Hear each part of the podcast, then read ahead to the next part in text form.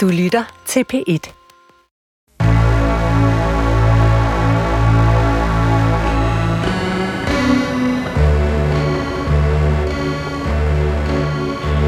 Du har ringet til Hemmeligheder på P1. Tak for din hemmelighed. Vi lover at passe godt på den. Min hemmelighed er, at jeg har meldt mig til et reality-program. Velkommen til Hemmeligheder. Mit navn er Sam Sigal Ben Moyal, og jeg har netop afspillet den første hemmelighed fra den telefonsvar, du altid kan ringe til.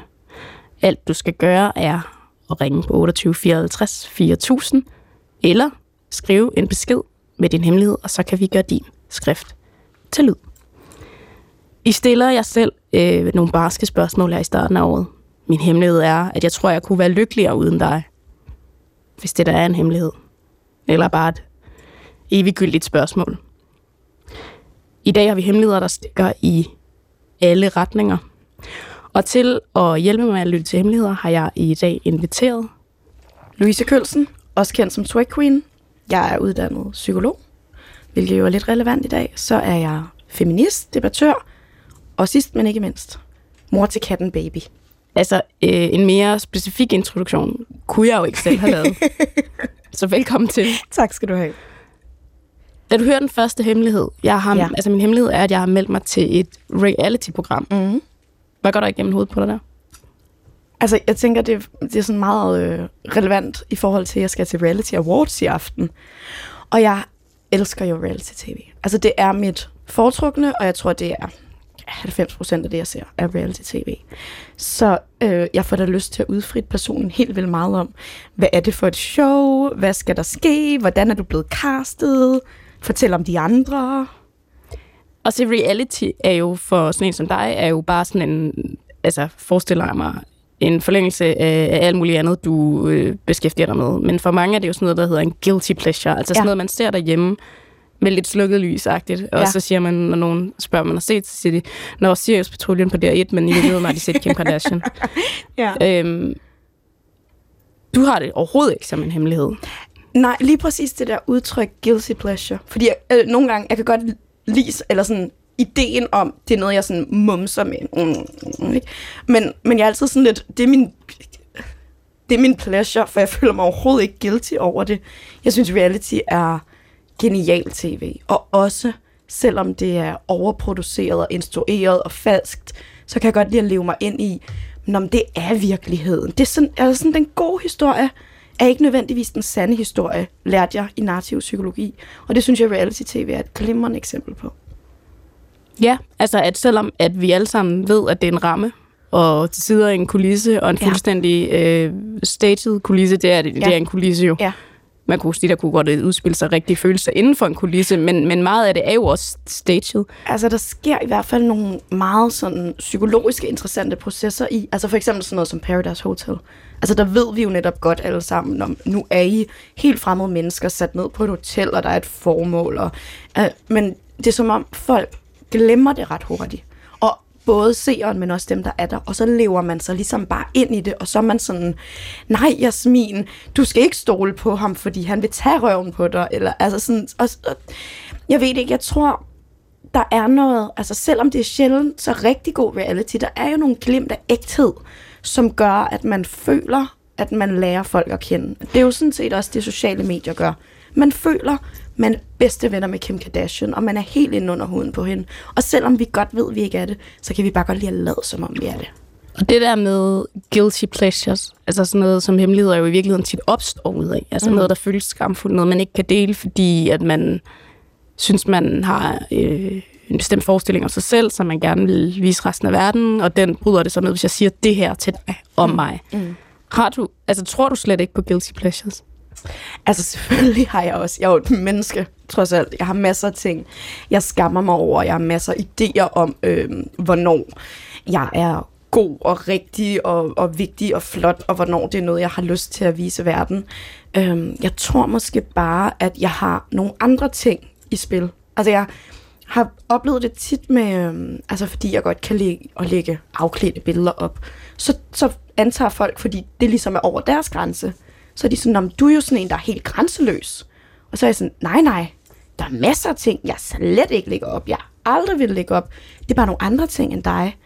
Øhm, så selvfølgelig har... Altså, jeg vil sige for eksempel, sådan noget som at se bagdysten.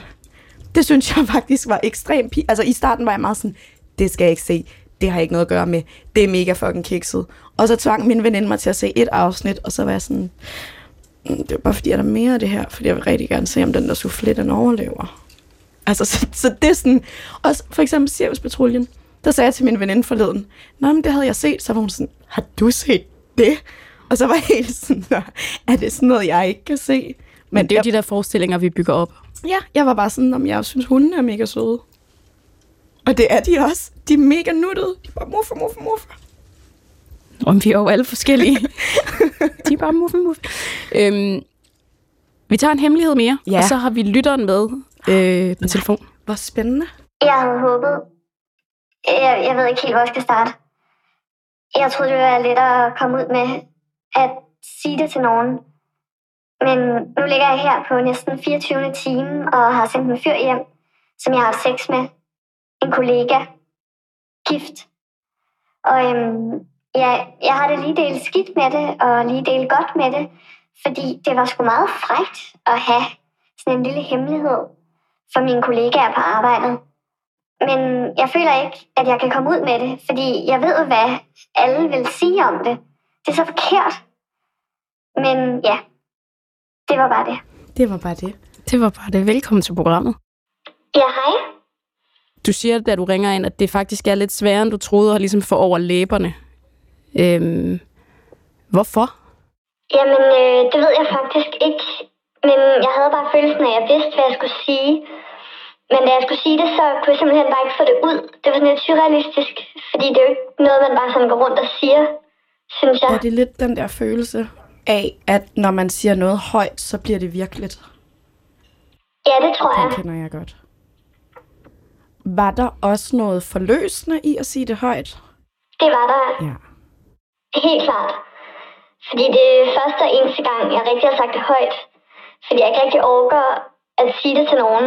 Fordi altså, holdninger og meninger, dem er der mange af. Og jeg har jo også selv mine egne. Så det er sådan lidt, ja, svært at forklare. Er det en... Altså, fordi det kan jo være svært at høre ud fra en besked. Øhm, og der er jo så mange, hvad kan man sige, forskellige øh, omstændigheder i forhold til, om, om det her det egentlig er noget, der skal gentage sig. Men er det en kollega, du egentlig kan lide? Altså, er det en kollega, du har følelser for? Jeg tror ikke som sådan, at jeg har følelser for ham, men han er, altså han er sød, betænksom og rar. Og øhm, jeg har længe gået rundt og kigget lidt på ham, da han startede og sådan noget. Men ikke nogen følelser umiddelbart.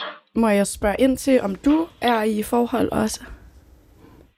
Nej, Så på den måde kan man sige, at du har jo ikke gjort noget galt. på en måde ikke, nej. Altså ikke over for nogen eventuel partner fra min side. Føler du, du har gjort noget galt? Til dels. Jeg har jo viden om, at han er gift, så jeg har jo været med til at sove en anden, et, et andet menneske, som jeg ikke kender. Jeg synes ikke, du har gjort noget galt. Jeg synes, det ansvar ligger hos dem, der er i et parforhold. Og hvad der sker i deres parforhold, er jo ja, imellem dem. Det har du sådan set ikke noget ansvar at tage for. Det, det er jeg glad for, at du siger. Fordi altså, det er jo det der med, at der er forskellige holdninger. Der er sikkert også folk, der tænker noget andet. Ja. Men jeg synes bare, at den sådan... Hvis, hvis du bærer på en skyld eller en form for skam omkring det, så synes jeg, du skal slippe det. For det er ikke dit. Det er hans. Ja, Er der også noget af dig, der ligesom holder det her hemmeligt, fordi at det netop er sådan lidt en forbudt affære? Altså lad os forestille jer, at I var to øh, singler, der øh, var glade for hinanden som kollegaer. Er der også en del af hemmeligholdelsen, der handler om det, at han er gift? det, det er jo den største del af hemmeligheden, tror jeg, fordi vi er meget tætte i vores kollegaforhold, også med de andre. Der kan jeg nemt gå hen og fortælle om nogle andre fyre, jeg har været sammen med, eller et eller andet. Jeg ved ikke, om jeg vil gøre det med en kollega, men der vil man nok have nogen, man kunne betro sig til. Sådan, ej, jeg lavede sgu det her. Må jeg spørge om det, at det er hemmeligt, også er noget af det, der gør det sådan lidt ekstra spændende, eller tillokkende, eller måske sådan lidt frægt? Ja, det kan lidt ekstra. Også fordi jeg ikke sådan super lyst til at holde på hemmeligheder. Så det er også sådan lidt en udfordring for mig ja. at leve med sådan en slags hemmelighed. Lige her til sidst, hvordan er det egentlig at bære rundt på den her hemmelighed? Jamen, det er egentlig meget, øh, jeg vil næsten sige over for mine kollegaer, at det faktisk lidt hyggeligt, at det kun er ham og mig. Ja, sådan noget, du kun har. Ja, det er kun mig og ham, der har det sammen. Det er jo noget hemmeligt. Ej, må jeg ikke slutte af med at spørge, om du tænker, det skal ske igen? Om det skal ske igen? Ja. Øhm, jeg kunne godt forestille mig, det ske. Nu er jeg lige kommet tilbage fra ferie for ikke så lang tid siden, og han har været syg. Så det er faktisk første dag, vi ser hinanden efter det er sket. Og øhm, der har været nogle små kys nogle forskellige steder. Uh. Det er altså en, det er altså en hæftig start på 2023. Ja, så Jeg er lidt misundelig, det kan jeg lige så godt sige. Min, min start på det her år har ikke været lige så interessant. ej, det er nok også den mest spændende ting, der er sket for mig. Tusind tak, fordi at du øh, vil dele det med os. Mm. Tak fordi jeg måtte dele det. Det er det der med, at man har en, altså en, en hemmelighed, der kilder i maven, eller Ja. gør ondt i maven. Ja. Altså, og ikke fordi Eller måske kan også gøre begge, begge dele. Lige Ja. præcis. Jeg tænker, der er også, altså det der, en god hemmelighed er jo netop noget, hvor at der også er noget på spil. Så der er en grund til at holde den hemmelig. Men jeg siger bare, altså, jeg siger ikke, man skal være sin partner utro, men jeg siger bare, at det her, det er da en måde at motivere at gå på arbejde. Gør det lidt sjovere. At du tænker, at, øhm, at hele den her med, at nu skal vi arbejde mere, og Det kunne være, at man bare skulle lave bededag om til sådan en affæredag. Så kunne det godt være, at folk gad at gå på arbejde. Jeg tror, jeg tror, der findes rigtig meget sådan. Jeg har faktisk også... Gud, det kom jeg lige i tanke om. Jeg har også gjort det her engang. På en arbejdsplads. kommer det tilbage til dig. ja. Men det er jo... Og det er har- ikke din hemmelighed. Nej, det er det ikke. Men det kunne det da godt have været. Men jeg har jo levet i 34 år, så det, jeg kan jo ikke gå og huske det hele hele tiden. Men, øh, men det var netop, altså det var, jeg var pikoline øh, imellem gymnasiet og, øh, og da jeg startede på studie. Og det var jo røvkedeligt at bare lave sådan noget papir tutlut. Øhm, så for ikke at kede mig helt vildt meget, så jeg er ene barn, så jeg er vant til ligesom at lege øh, selv. Så jeg gik ligesom i karakter. Øh, det her var før MeToo, skal det forresten lige siges. Men jeg kørte sådan lidt slutty secretary style, så jeg lavede med nogle pencil skirts, og så gik jeg rundt i sådan nogle høje hæle og tabte mine papirer og bukkede mig ned efter dem, fordi jeg kedede mig. Og så kunne jeg ellers bare se, hvordan de der mandlige chefer bare skrev i min inbox. Men så var der en af, øhm, af sælgerne på det her, den her, det her arbejde, jeg havde. Øh, og han havde en kæreste. Øhm, og ham havde jeg faktisk, det var både til sommerfest, det var sådan, så havde jeg sådan en flørt kørende, det var så lidt sjovere. Både til sommerfesten og til julefrokosten, meget kliché, huggede vi op. Og så var der en af de andre, der var en af hans venner, der sådan skældte mig ud over det. Og så var jeg sådan, altså, det er sgu da ikke mit problem. Det er jo ikke mig, der har en kæreste. Så hvis du skal skælde nogen ud, så snak med din ven, som er sin kæreste utro, som du kender. Du skal ikke snakke med mig om det. Kunne du også fornemme at den der rolle af at være pikoline? Altså, nu siger jeg endda før MeToo, det forestiller mig har været endnu vildere. Ja. Altså den der rolle af, at du er sådan en, et, en servicefunktion. Altså Jeg- jeg en tror ung mere- servicefunktion. Ja, jeg skulle til at sige, funktion. Jeg tror mere, det var ny, ny ung kvinde i huset-agtigt. Der var, øh, der var rigtig mange sælgere, der lige kom de første par dage introducerede sig. Og jeg var bare sådan, vi kan godt lege den her leg, det er fint nok. Jeg synes, på den måde kan man sige, synes jeg ikke, de havde, sælgerne havde på den måde ikke magt over mig. Så det var jeg sådan set lidt ligeglad med. Og jeg kedede mig. Du, jeg arbejdede for min moster, jeg håber virkelig ikke, hun hører det her. Så har hun i hvert fald... Øh, Ej, jeg har fortalt hende det faktisk, tror jeg. Fordi jeg var sådan lidt kigget i min inbox, efter jeg holdt op egentlig. Fordi der er der nogle af cheferne, der også var gift. Det kan godt være, I ikke skal kigge der. det er sådan et... Hele det her program kan muligvis blive sådan et øh, trip down memory lane for dig. Det, og, og samtidig føler jeg lidt så også en skriftestol, hvor jeg sådan lige kan lette hjertet. Altså hvis jeg troede på, at jeg skulle være føle en eller anden form for skyld over det her, det gør jeg ikke. Ja, det kan jeg godt se. Nej. Men det er fordi, jeg bare sådan, det er, altså, jeg slipper rundt med så meget andet, det er ikke min skyld. Den må de andre tage. Det, jeg gjorde ikke noget galt. Min hemmelighed er, at øh, jeg siger, at jeg bor på Frederiksberg i en lækker lejlighed, når jeg dater, men i virkeligheden bor jeg i beton i Glostrup. Det er en hemmelighed, man kan sige, er harmløs, øh, men den spænder jo ben for mig, når vi aldrig kan komme længere end at dele på overfladen. den er jo egentlig harmløs og Ja. meget interessant, Ja. fordi det er sådan en... Øh, altså, det er sådan en konklusion på egen hemmelighed, Ja. som jo egentlig Men jeg synes ikke, den er harmløs. Nej. Og spørgsmålet er, hvor harmløs er den egentlig? Altså ikke i forhold til dem, du dater, fordi det lyder som om, det er jo bare i overfladen, om man bor i Glostrup eller får Vejle, er nok lidt ligegyldigt. Men det er jo løgnen. Hvis du så mødte en, du rigtig godt kunne lide, så ville det være rigtig ærgerligt, at ligesom skulle sige, når jeg startede det hele med at lyve. Altså for mig ville der ligge sådan en tillidsbrud i, okay, men hvis du lyver om, hvor du bor, hvad har du så ellers løjet om? Nu kan jeg ikke stole på dig længere. Nu kan vi ikke have et forhold. Altså så jeg tænker, der er også en, øhm, altså en, en, sådan en spændende ben for sig selv af, altså som hun også siger, det her forhold kan aldrig blive til noget, for du kan aldrig komme hjem til mig, for jeg bor ikke på Frederiksberg.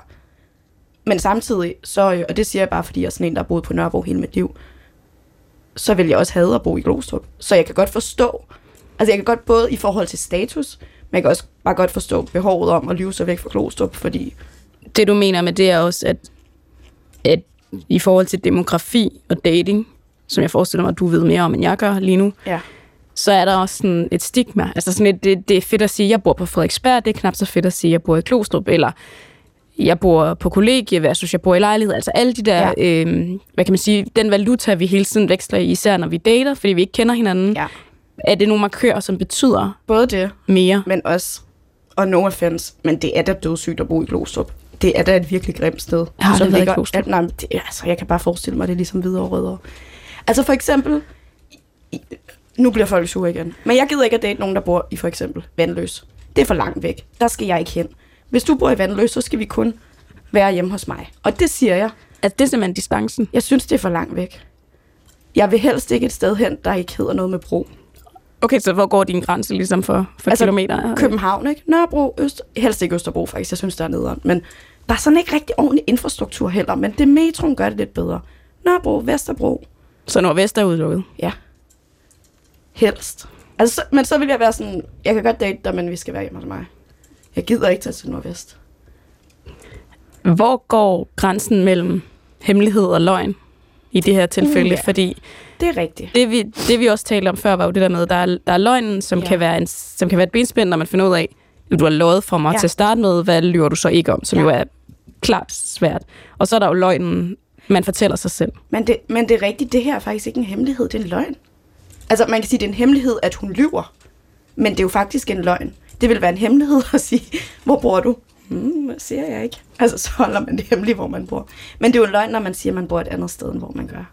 Og det bliver også altså, problematisk, hvis man så ligesom lever sig ind i den, og tager folk hen og peger og siger, at det er den her gade, jeg bor, eller kan du se det op ved de gule blomster? Altså, så begynder det at blive rigtig sygt. Men kender du også det der med, at man, at de historier, man fortæller sig selv, Ja, bliver også virkelig på et eller andet tidspunkt. jo. Og jeg er med på, at jeg tror ikke, man kan bilde sig selv ind, at man bor på Frederiksberg, hvis man i virkeligheden, altså, i virkeligheden bor i, hvor er det beton i Klostrup. Den det, er svær. Det er noget manifestation, hardcore shit, ikke? Men der er jo det der med, at når man fortæller sig selv noget mange gange, så bliver Ja. det lettere Ja. at tro på. Og der tror jeg, det er at sige, det her er harmløst. Det tror jeg er blevet sagt rigtig mange gange inde i hovedet. Nå, men det er jo harmløst. Og det kan også være, det sådan en, jeg er jo ikke sådan en, der bor for Glostrup, hvad end det betyder. Eller jeg flytter jo snart, eller det er jo midlertidigt. Eller, men generelt, så tror jeg, man skal lade være med at lyve. Øhm, både fordi det ikke er godt i forhold til andre, men også i forhold til sig selv. Så måske hellere kigge på, hvorfor synes jeg, det er vigtigt, at jeg ikke bor i Glostrup. Men der er det hårde jo også, at det du lige har sagt, det er, at der bliver dømt hårdt i dating. Ja. Jamen, Altså- det, hun skulle ikke date mig. Det er en hård, altså, det er, øh, det, det er en battlefield, ikke? Skal vi tage en hemmelighed mere? Ja. Jeg siger altid, at, øh, at jeg er imod alle kosmetiske indgreb, og jeg siger det faktisk virkelig ofte, og jeg blander mig i debatten om, altså hvor latterligt det er at lave om på sig selv. Men øhm, jeg får bare selv lavet læber, og jeg fucking elsker dem. Ej, det er lidt fjollet. Nå, men det er jo igen, altså vi holder samme tema. Altså det er det, man fortæller sig selv, og Ja. ja. det man, altså, man gerne vil opfattes som. Og jeg kan da godt genkende Ja. det der med at have en stærk holdning til, Ja. øh, til noget. Øhm, udadtil. Ja. Men så måske altså, faktisk vakle lidt. Altså på Men- indersiden. Jeg synes altså også, jeg har hørt noget om nogle studier, der viser for eksempel, at dem, der er allermest homofobe for eksempel, at de tit netop øh, er det fordi, at de selv har en tiltrækning af det samme køn, og ikke kan deal med det. Altså det der med, det ser vi jo også, øhm, når minoriteter bliver accepteret af majoriteten, at så de antager nogle meget stærke holdninger mod andre minoriteter. Altså så der ligger måske netop sådan en overkompensation af, øh, jeg, jeg kan ikke lide ideen om, at jeg kan lide, at jeg får lavet læber, så derfor går jeg aktivt ind i debatten, for ingen tror, at jeg får lavet læber. Og det er jo sådan set lidt fjollet, for så kunne man jo bare lade være med at sige, at man får lavet læber, og så ikke sige noget, hvis det er det, der gør en glad. Ja, for der må ligge en indre konflikt, for man kunne sige, man kunne jo 100%. netop bare få lavet læberne, Ja. og så kunne man blande sig fuldstændig uden ja. Ja. om debatspor, Ja. eller øh, når, når snakken går blandt veninderne, om Ja. ja. extensions og fillers og alt det der. Man kunne, gøre, man kunne blande sig Ja. fuldstændig udenom. Det er jo svært, hvis man har en indre konflikt. Jamen, jeg tænker, der måske ligger sådan noget overkompensation her, ikke?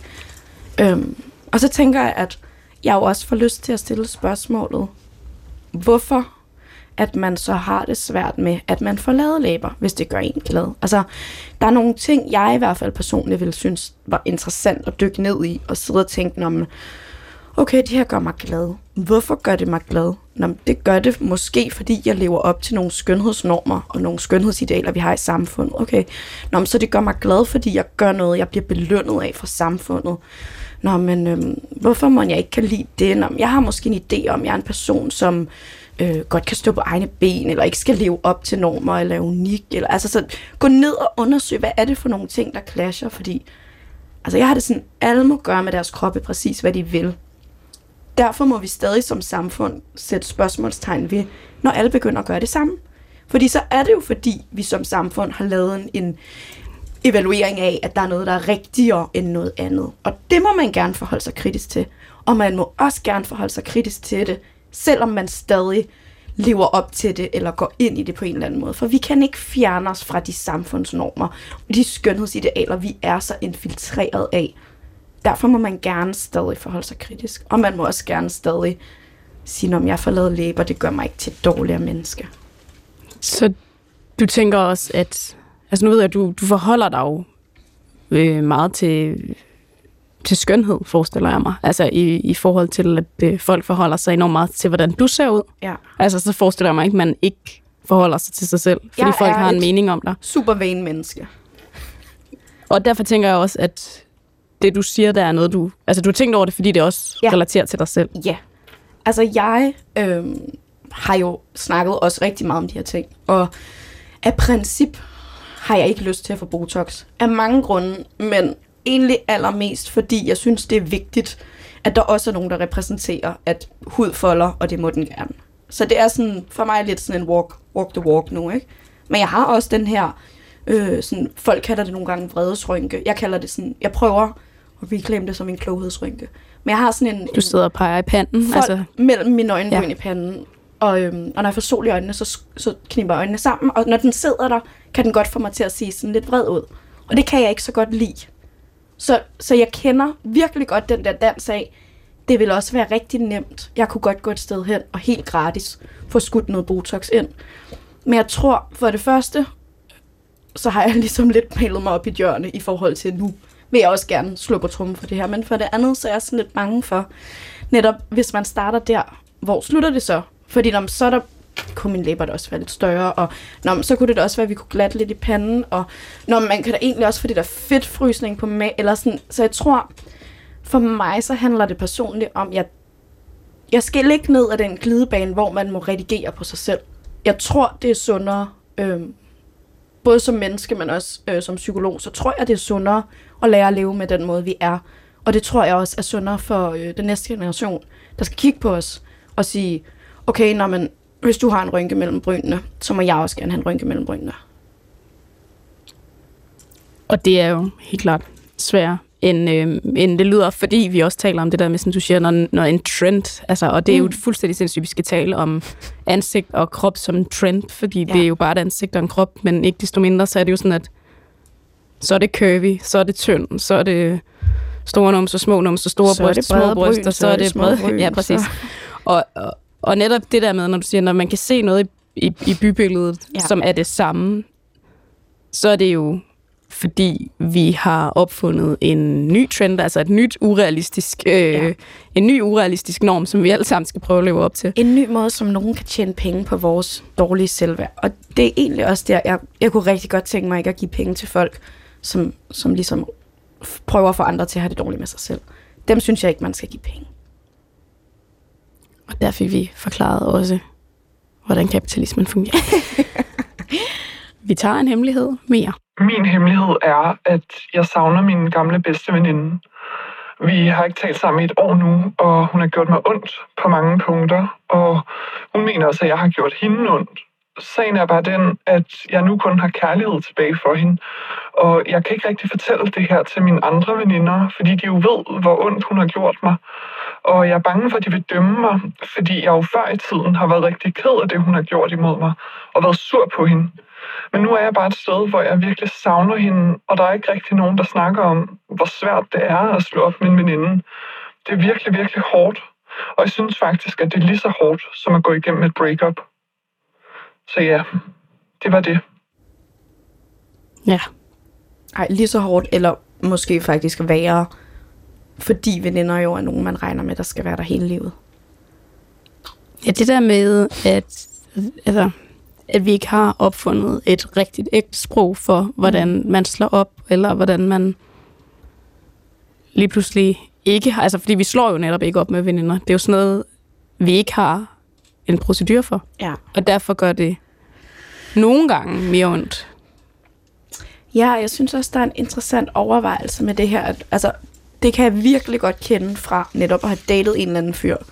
Og så fortæller man ens veninder hver gang, han bare er nar. Og han har bare, og de sådan her, du er så meget bedre end ham. Du, han fortjener dig ikke, og han ringer ikke tilbage, og han, og så øh, synes man alligevel, han var lidt sød, og skulle vi lige give det et skud? Og så, altså, man har selv prøvet at være den, der ligesom gør det, og man har også prøvet at være de der veninder, der står og sådan, for helvede, ikke Johan igen, vi... Okay, godt. så tager vi runde 53, og jeg gider ikke at sige, at I told you so, men jeg ved godt, at lige om lidt skal jeg gribe dig og af dig på håret, og det gør jeg, fordi jeg elsker dig. Og jeg siger ikke, at, øh, at det vidste du godt ville ske, fordi det er den kærlighed, jeg har til dig. Og det synes jeg egentlig også, man skal have lov til at overføre til venskaber. Altså netop at sige, øh, Mille stjal din kæreste, og hun øh, smed din lipstick ud i toilettet, og hun var en kæmpe lort over for dig. Men okay, øh, du har tilgivet hende, og hvis du kan tilgive hende, så må vi andre også. Og så holder vi lige et vågent øje, og ligesom... Altså, jeg synes, man må gerne så være sådan lidt ekstra alert som vennegruppe, og sige, okay, der var hun sgu ikke cool, eller nu gør hun det igen. Og jeg synes, det er fair at give folk ekstra chancer, også, også når det er venskaber. Så du ser det ikke som sådan en form for selvpineri, når man så går tilbage? Det kan det godt være, men altså som psykolog, så vi selvpiner hele tiden. Vi gentager de samme mønstre igen og igen og igen og igen, indtil vi har lært det af dem, vi skal. Indtil vi ligesom har ja, lært noget og vokset og blevet bedre som mennesker. Og man kan ikke man kan ikke være et sted, hvor man ikke er. Så hvis du har brug for at gå tilbage, og hun skal stjæle din nye kæreste, og hun skal øh, brænde dine sko, og altså, så må vi gentage det, indtil du har lært det. Og der er det jo bare, og det er jo derfor, de fleste bliver psykologer. Det er jo så meget nemmere at kigge på andre og fortælle dem, hvad deres problem er, og hvad deres mønster er, og hvordan de skal gøre det bedre. Men det er jo umuligt at gøre med sig selv. Og der er det bare, at man nogle gange er nødt til at begå. Jeg vil ikke engang sige den samme fejl, men man er bare nødt til at gøre de samme ting, indtil man har lært det. Det er det at være menneske. Det er sådan set for mig at se øh, hele indbegrevet af at leve det her jordiske liv. Det er at begå de samme ting igen og igen og igen, indtil vi bliver klogere. Ja, det er jo deprimerende. Ikke nødvendigvis, for man kan jo... Altså, det er jo netop også det der... Nu har jeg glemt alle de ting, som jeg ikke kunne lide ved hende. Nu har jeg kun kærlighed tilbage til hende. At imens vi lærer, der har vi det jo også dejligt og sjovt, og nyder det, og altså, livet er jo heller ikke kun lidelse. Der er jo masser af nydelse indimellem, men jeg tror bare, vi altså, er nødt til at acceptere præmissen af, livet kommer til at gøre ondt. Du kommer til at blive såret, du kommer til at græde. Okay, godt. Så lad mig også få alt det gode med. Så lad mig springe ud i det. Men du skældner her, synes jeg, mellem venskab og, øhm, og parforhold. Altså, eller en romantisk kærlighed. Mm. En romantisk kærlighedsrelation. Hvorfor tænker du egentlig, at venskabet opererer på, altså, på nogle andre præmisser end, end forholdet? Jeg tænker egentlig, at venskabet på mange måder øh, oftest er dybere. Altså, fordi vi har jo rigtig mange forhold, som, øh, hvor man kun lige får begyndelsen, og det ikke bliver til noget, og hvor man aldrig helt viser sig selv af venskabet. Altså de rigtige, de dybe venskaber. Det er jo der, hvor man netop er fuldstændig sig selv, og man er helt blottet. Og hvor man altså i det gode venskab jo får ubetinget kærlighed, også når, man, også når det var ens egen skyld. Også når man fuckede op. Også når man gjorde det samme igen og igen og igen. Så derfor tænker jeg, altså, jeg tror, jeg vil lige stille sådan noget som venskabet og altså sådan noget, det øh, 20-årige ægteskab. Der ligger den samme, og det er måske egentlig fordi, at de gode, lange parforhold adopterer venskabet. Altså så bliver det også et venskab. Og det romantiske, ikke? Men hvor at tit er det romantiske jo sådan flygtigt og lidt overfladisk. Jeg tænker, at, øhm, at de der venskaber er, f- at, er det, der får en igennem livet. Ja. Og så er der, og det kan der jo være en fli af i det her, eller andre hemmeligheder, er sådan et toksisk venskab, som jeg egentlig tror, vi ikke taler super meget om. Mm. Vi, vi taler om det i, i parforhold, øh, hvor man, man kan sige sådan, jeg synes, din, din partner er, er giftig, eller ja. han er psykisk voldelig. Han er eller, lort. Han er lort. Godt, man kalder ham lort. Ja. Øhm, men altså, som du også indledte med at sige, altså, det er måske ikke noget, vi taler særlig meget om i, i, i venskaber, at mm. man kan jo faktisk være i en relation, mm. der kan være giftig. Altså også i et venskab, fordi man tænker, det er jo det er bare din ven. Altså, det er jo netop det, der kan... Altså, det, at det kalder sig venskabet, Ja. så strækker det sig jo også meget... Altså, man går længere. Ja. Man går også ja. nogle gange for langt i en relation, der rent faktisk krænker en. Altså hvis, hvis man derude ser Housewives of Salt Lake City, så vil man lige nu sidde og tænke, det er det, som Heather Gay og Jen Shah er i.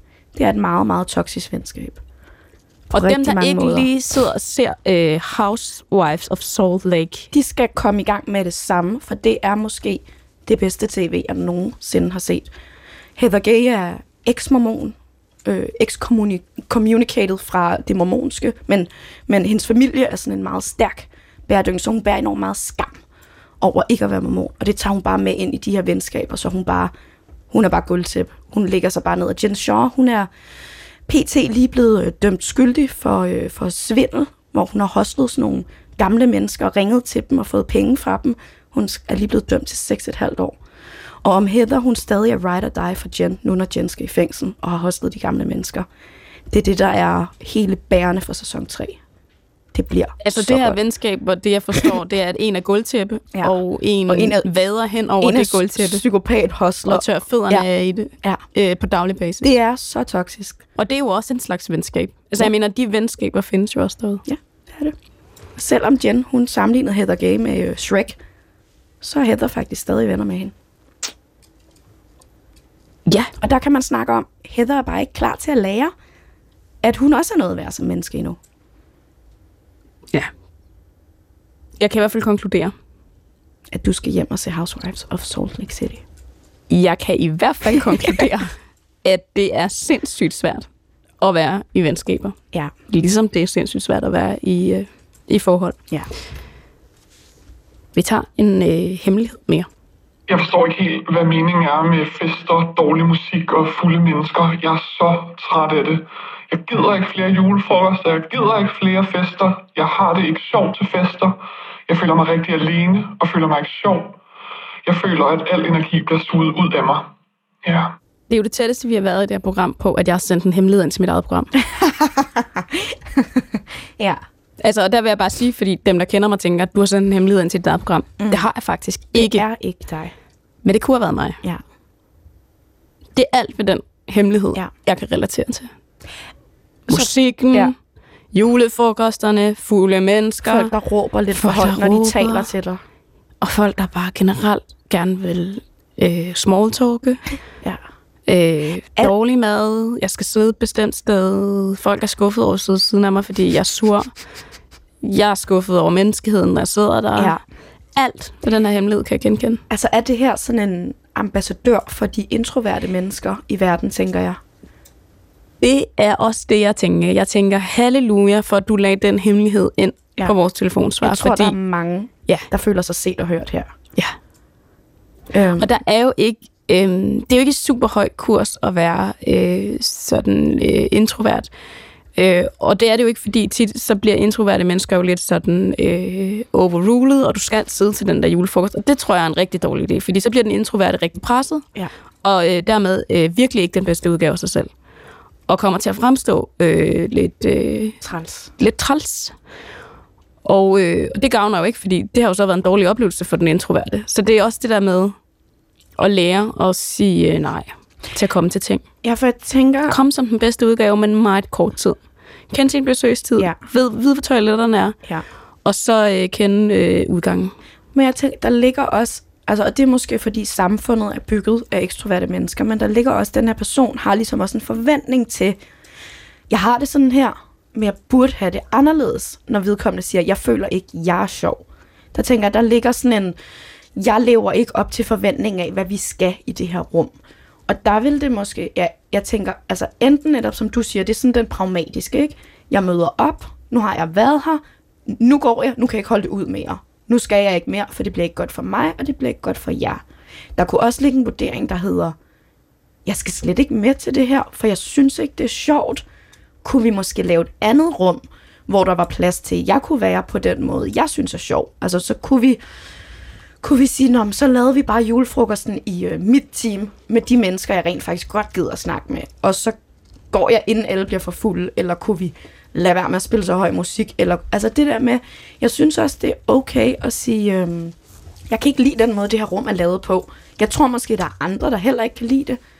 Kunne vi tage højde for det og lave rummet om, eller lave et alternativ, i stedet for bare at acceptere, sådan er verden, jeg lever ikke op til det, det er mig, der er dårligt, det er mig, der ikke er sjov. For jeg tror lige præcis, der sidder rigtig mange og tænker, huh, jeg har det på helt samme måde. Jeg synes ikke, det er sjovt, når det skal være vildere og klovn, vildere og klovn i øh, firmarelationer, hvor jeg egentlig ikke har lyst til at være tæt med mine kollegaer på sådan en grænseoverskridende eller sådan en intim måde.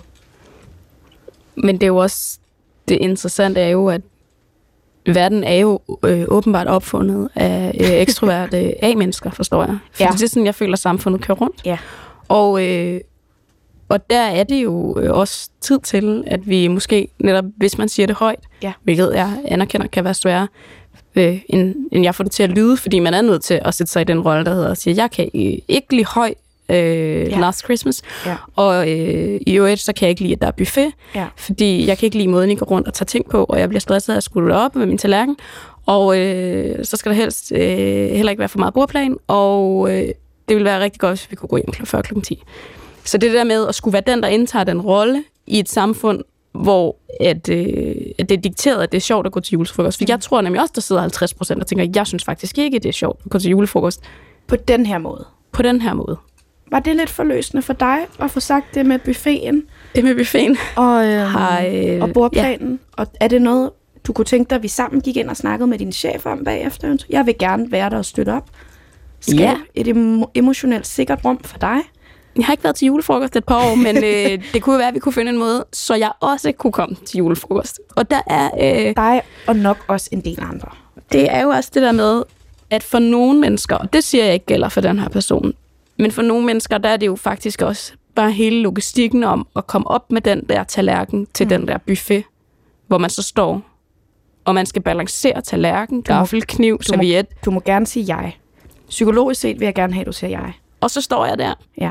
og så skal jeg have øh, maderne på, og jeg føler allerede der, at tallerkenen er ved at tippe til den ene side, Ja. Og så er der, så er der nogen, der starter en samtale op. og så er jeg sådan, det kan jeg ikke, fordi jeg er i gang med faktisk at lave noget i en buffet, som er meget stressende for mig. Og så, øhm, så skal jeg også have drikkevarer. Ja. Så skal jeg gå ned med tallerkenen, så kigger jeg, hvad gør de andre? Når de går ned med tallerkenen først godt, så går jeg ned med tallerkenen. Altså, så det er bare for at sige, at der er jo mange ting, som... Ja. Og jeg ved ikke, om det kun er introvert, jeg har øh, ikke forstand på sådan noget, men det er noget med, at man også bliver mere stresset. Altså, at, at hvis man er introvert, Ja. Øh, og man bliver sat i sådan en situation, så kan der lige pludselig være en, en række af andre ting, som ikke nødvendigvis normalt er en belastning, men lige pludselig bliver det, fordi man er presset. Ja. Og det kender vi jo, når ja. vi Ja. er presset, er vi heller ikke Nej. Den bedste udgave også. Så lige pludselig så er det øh, øh, fiskeflæen, og, og øh, det med, hvilken øh, drik du skulle have, og var der noget med, at man fik nogle, øh, sådan nogle mærker, hvor ja. man Ja. kan gå op i fribar, og var det den Ja. grønne, der var til øl, og jeg kan faktisk ikke lide øl. Var der også sportscola. Og altså, du ved, det bliver bare sådan en række af ting, som ja. Ja. er fuldstændig uoverskueligt. Og altså, det kender jeg godt. Øhm, jeg, er, altså, jeg er ret social, men jeg er også introvert på den måde. Det koster mig energi. Og jeg er sådan en, jeg kan ikke være ude, uden at være på. Det er altid lidt en performance, undtagen når jeg er sammen med de der helt tætte venskaber, hvor Men er det kan ikke være. også et værn mod verden?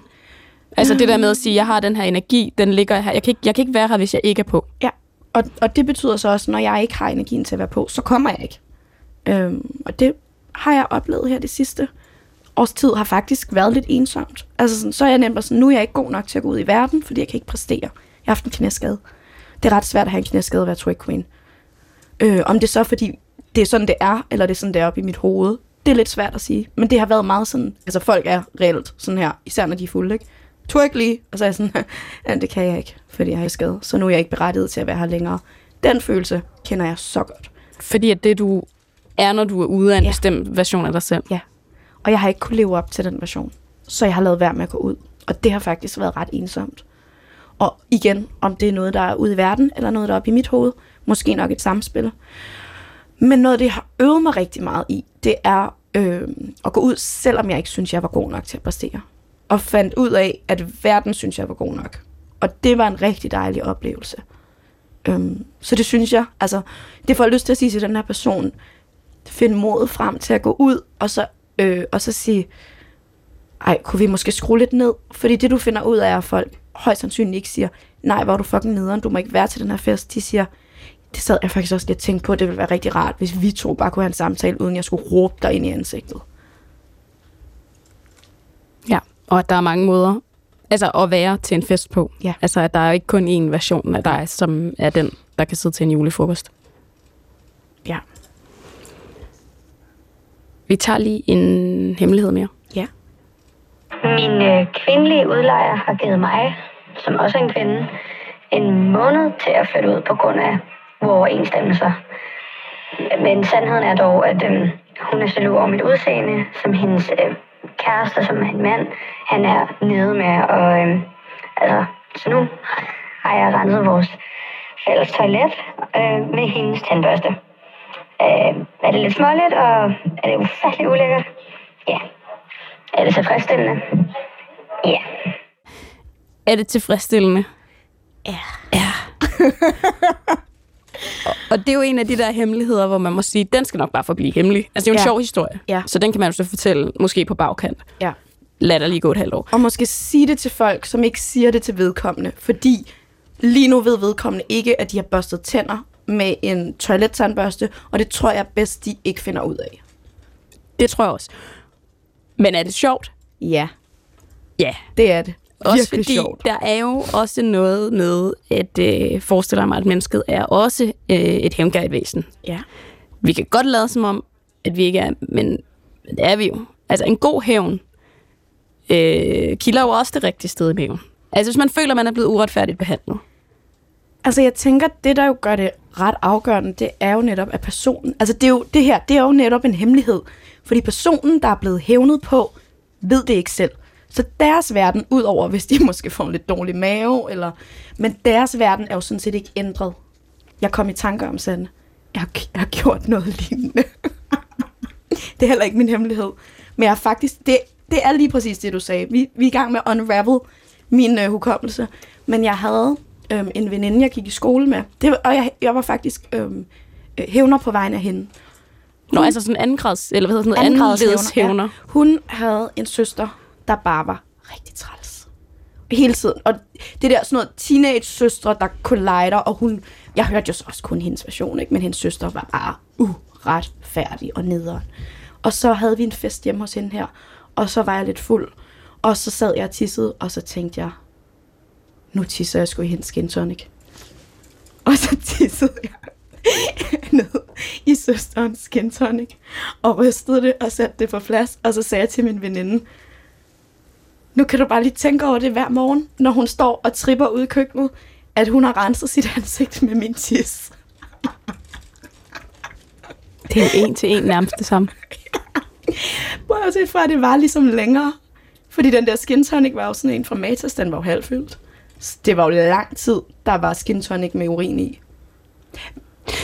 Tænkte du på noget tidspunkt, at hvis den hemmelighed kom ud, hvilket der jo egentlig var en ok stor sandsynlighed for, at den gjorde, fordi, Jeg sagde det til alle vores veninder i gymnasiet. Og den kommer aldrig ud. Jeg tror ikke, min venindes søster ved det. Og det er jo det, er jo det altså man kan sige, det er Så jo er det der godt, du fortæller det her. Ja, for håber vi ikke, hun lytter her. Eller kan gennemskue det. Men jeg kan huske, at min veninde synes ikke, hun var sådan, haha, men også, det er ikke fedt. Men, men nu var jeg havde tvunget hende ind i hemmeligheden, så nu kunne hun jo ikke sige, du skal ikke bruge den der skin tonic. Fordi det skal du ikke, fordi... Hvorfor ikke? Ja, lige præcis. Det skal du ikke, Nej, fordi... det, ja. det er bare, så skal det sådan noget, jeg kommer til at tabe den og tømme den, og, eller... Så jeg tror, altså fordi nu havde jeg tvunget hende ind i hemmelighed, så jeg tror, den blev completed. Det er meget interessant det der med, at du har, du har, der er opstået en hemmelighed, fordi du gik ind i en relation, Ja, en søsterkonflikt. så opstår der, øh, eller du, du laver en hemmelighed, trækker en anden med ind i den, Ja. og derfra så, ikke, altså så holder, altså man siger jo, altså to, når der er to til en hemmelighed, men der var tre, fire, fem, det er jo hele gymnasiet. Alle, alle vores veninder i gymnasiet ved det her. Det er en kollektiv hemmelighed jo. Det er det. Og nu, altså store dele af Danmarks befolkning, National hemmelighed. national hemmelighed. Vi tager en, øh, vi tager en sidste hemmelighed, ja. og så fortæller du en hemmelighed, som jeg ikke kender. Jeg boller med min afdøde venindes mand. Wow. Okay, jeg tænker mange ting. Først og fremmest så tænker jeg, at en afdød veninde er jo ligeglad med, om du bunder med hendes mand, for hun er død.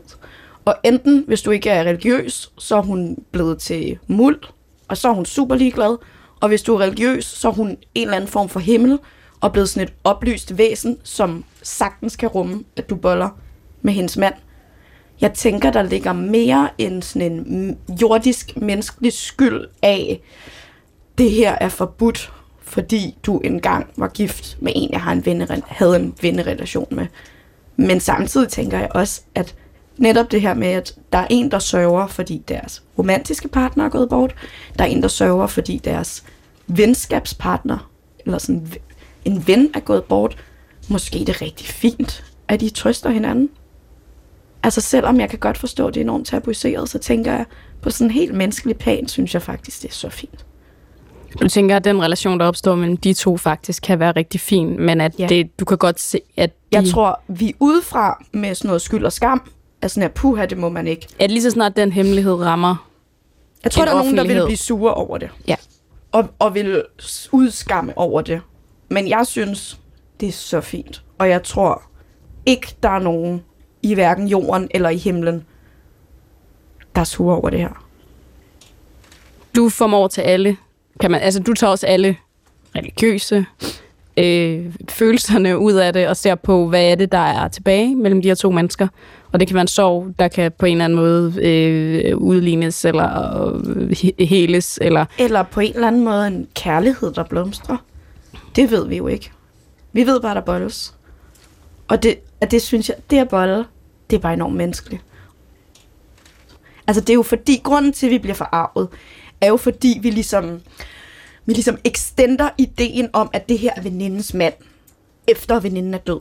ja, det er hendes ejendom på Ja. ja. en eller anden måde. Og det er det jo ikke. Fordi veninden er jo død. Og igen, hvis du ikke er religiøs, så er hun blevet til ingenting. Du tænker ikke, at hendes minde lever? Jo, øh, hos de mennesker, som er der. Men jeg synes ikke, jeg synes ikke, sådan et spøgelsesminde har forret til at leve over levende mennesker. Og igen, hvis det er, vi tror på et eller andet religiøst, hun sidder oppe i himlen, så er hun jo blevet sådan en oplyst væsen, der kan rumme alt muligt, og bare glæder sig over deres kærlighed. Er det Og sådan, det tænker- er oppe i himlen? Ja, det er det. Det er jeg så sikker på. Og Gud er jo også sådan en, der bare er sådan her lækkert. Alle skal have det godt. Jeg kan rumme alting. Jeg er fuld af kærlighed. Sådan noget med skyld og skam og puha. Det er jo bare noget, mennesker har opfundet for, for sådan socialt kontrollere. Det er det der religion, hvor det er sådan noget, det må du ikke, og det skal du ikke, og nu skal du det. Det er jo bare sådan noget smart noget, vi har opfundet hernede. Men, men Gud og alle op i himlen, de er bare sådan her, hyg jer, fyr den af. Jeg synes, det er dejligt, og I har det dejligt. Jeres kærlighed gør mig glad. Det er jeg sikker på. Det er jo også et tæk på religion. Prøv at høre, min religion er federe end alle andres religion. Hvor vi helst være? Der, hvor man ikke må noget, eller der, hvor bare alting er luksus? Jeg tror, at vi er nået til det sted i programmet, hvor du fortæller mig en, øh, en hemmelighed. Den hemmelighed, jeg har taget med, det handler om min hukommelse. Fordi den er rigtig dårlig. Og, øhm, det kan faktisk godt vise sig at være lidt et handicap i forhold til, at jeg 9 ud af 10 gange simpelthen ikke kan genkende folk, jeg kender. Så det, der sker nu, er, jeg for det meste ikke ved, hvem folk er. Altså, som jeg overhovedet ikke. Øh, og det er et problem af mange grunde, men mest fordi folk bliver rigtig sure på mig, når jeg ikke ved, hvem de er. Øh, jeg, efter, efter den der periode, øh, hvor det holdt op med at virke, der, der prøvede jeg sådan at lade som om, jeg vidste, hvem folk var, ikke?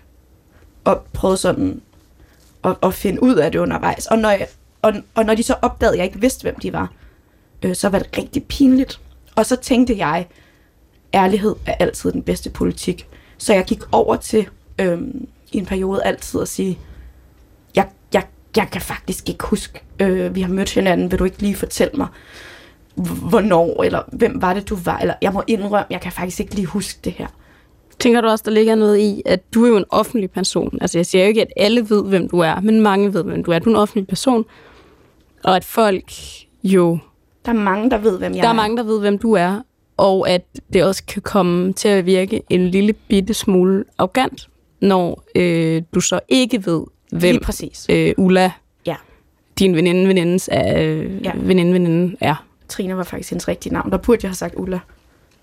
Men jeg kunne jo ikke huske, hvem hun var. Og der rammer du lige præcis. Jeg synes, det er en plausibel forklaring, at jeg øh, møder rigtig mange mennesker, og der er rigtig mange, der ved, hvem jeg er.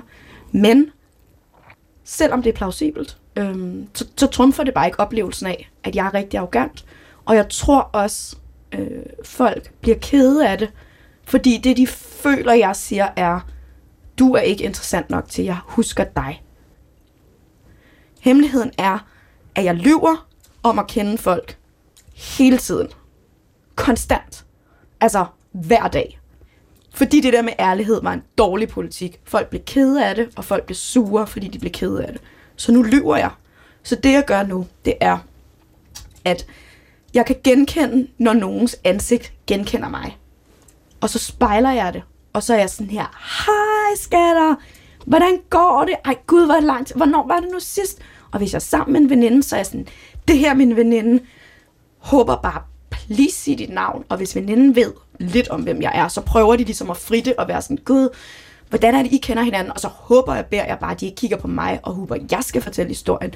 Men så når jeg møder folk, altså, og det, det hele tiden, så bruger jeg enormt meget energi på at prøve at lade som om, jeg kender dig, jeg elsker dig, jeg ved, hvem du er. Men prøver egentlig bare at fritte, hvem er du, hvem er du? Og oftest, så går de, og så vender jeg mig om til min veninde og siger, jeg har ingen idé om, hvem det var.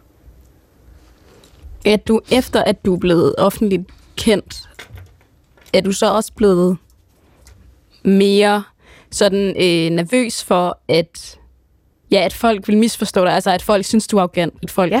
at folk tænker, når jeg troede, hun var mega fed, øh, Ja. og hun er sådan en, der altid prædiker, hun kan rumme alle sammen, eller Og så- rumme dem alle, de og lige bare- pludselig så, Og så går de ud og siger, Louise Kølsen, hun er en kæmpe lort.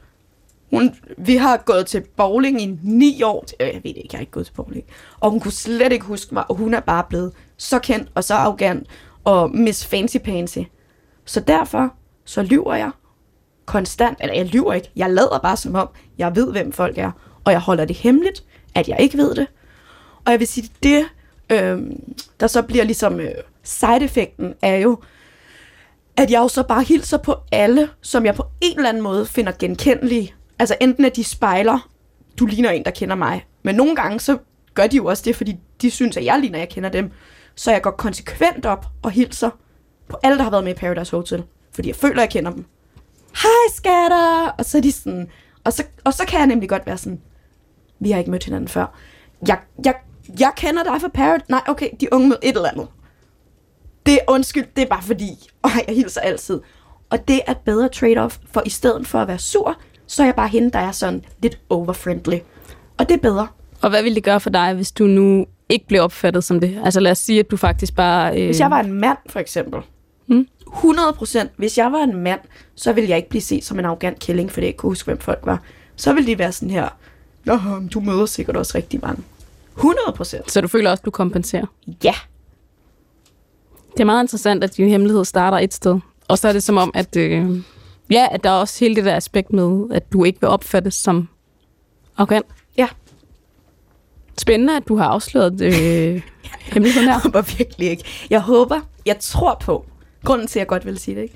jeg tror på, at den menneskelige psyke alligevel er sådan, så er mangel på bedre ord, indbilsk, at dem, der hører det her, tænker, men jeg var den ene, hun jo godt vidste, hvem var. Og det tror jeg, de alle sammen tænker sådan her. Nå, men vi kender jo hinanden. Vi har jo gået til bowling i ni år sammen. Hun ved godt, hvem jeg er. Haha, sjovt. Alle de andre, hun hilser på det, ved hun ikke, hvem er. Og der var ingen, jeg ved, hvem er. Tak fordi du delte. Ja, ja. Og øh, tak fordi du hjalp med at lytte til andre, der delte. Jamen, det har været en kæmpe fornøjelse.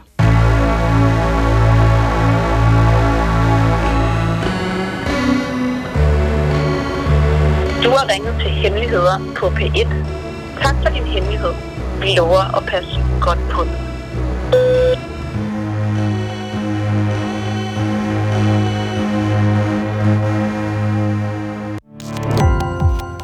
Gå på opdagelse i alle DR's podcast og radioprogrammer. I appen DR Lyd.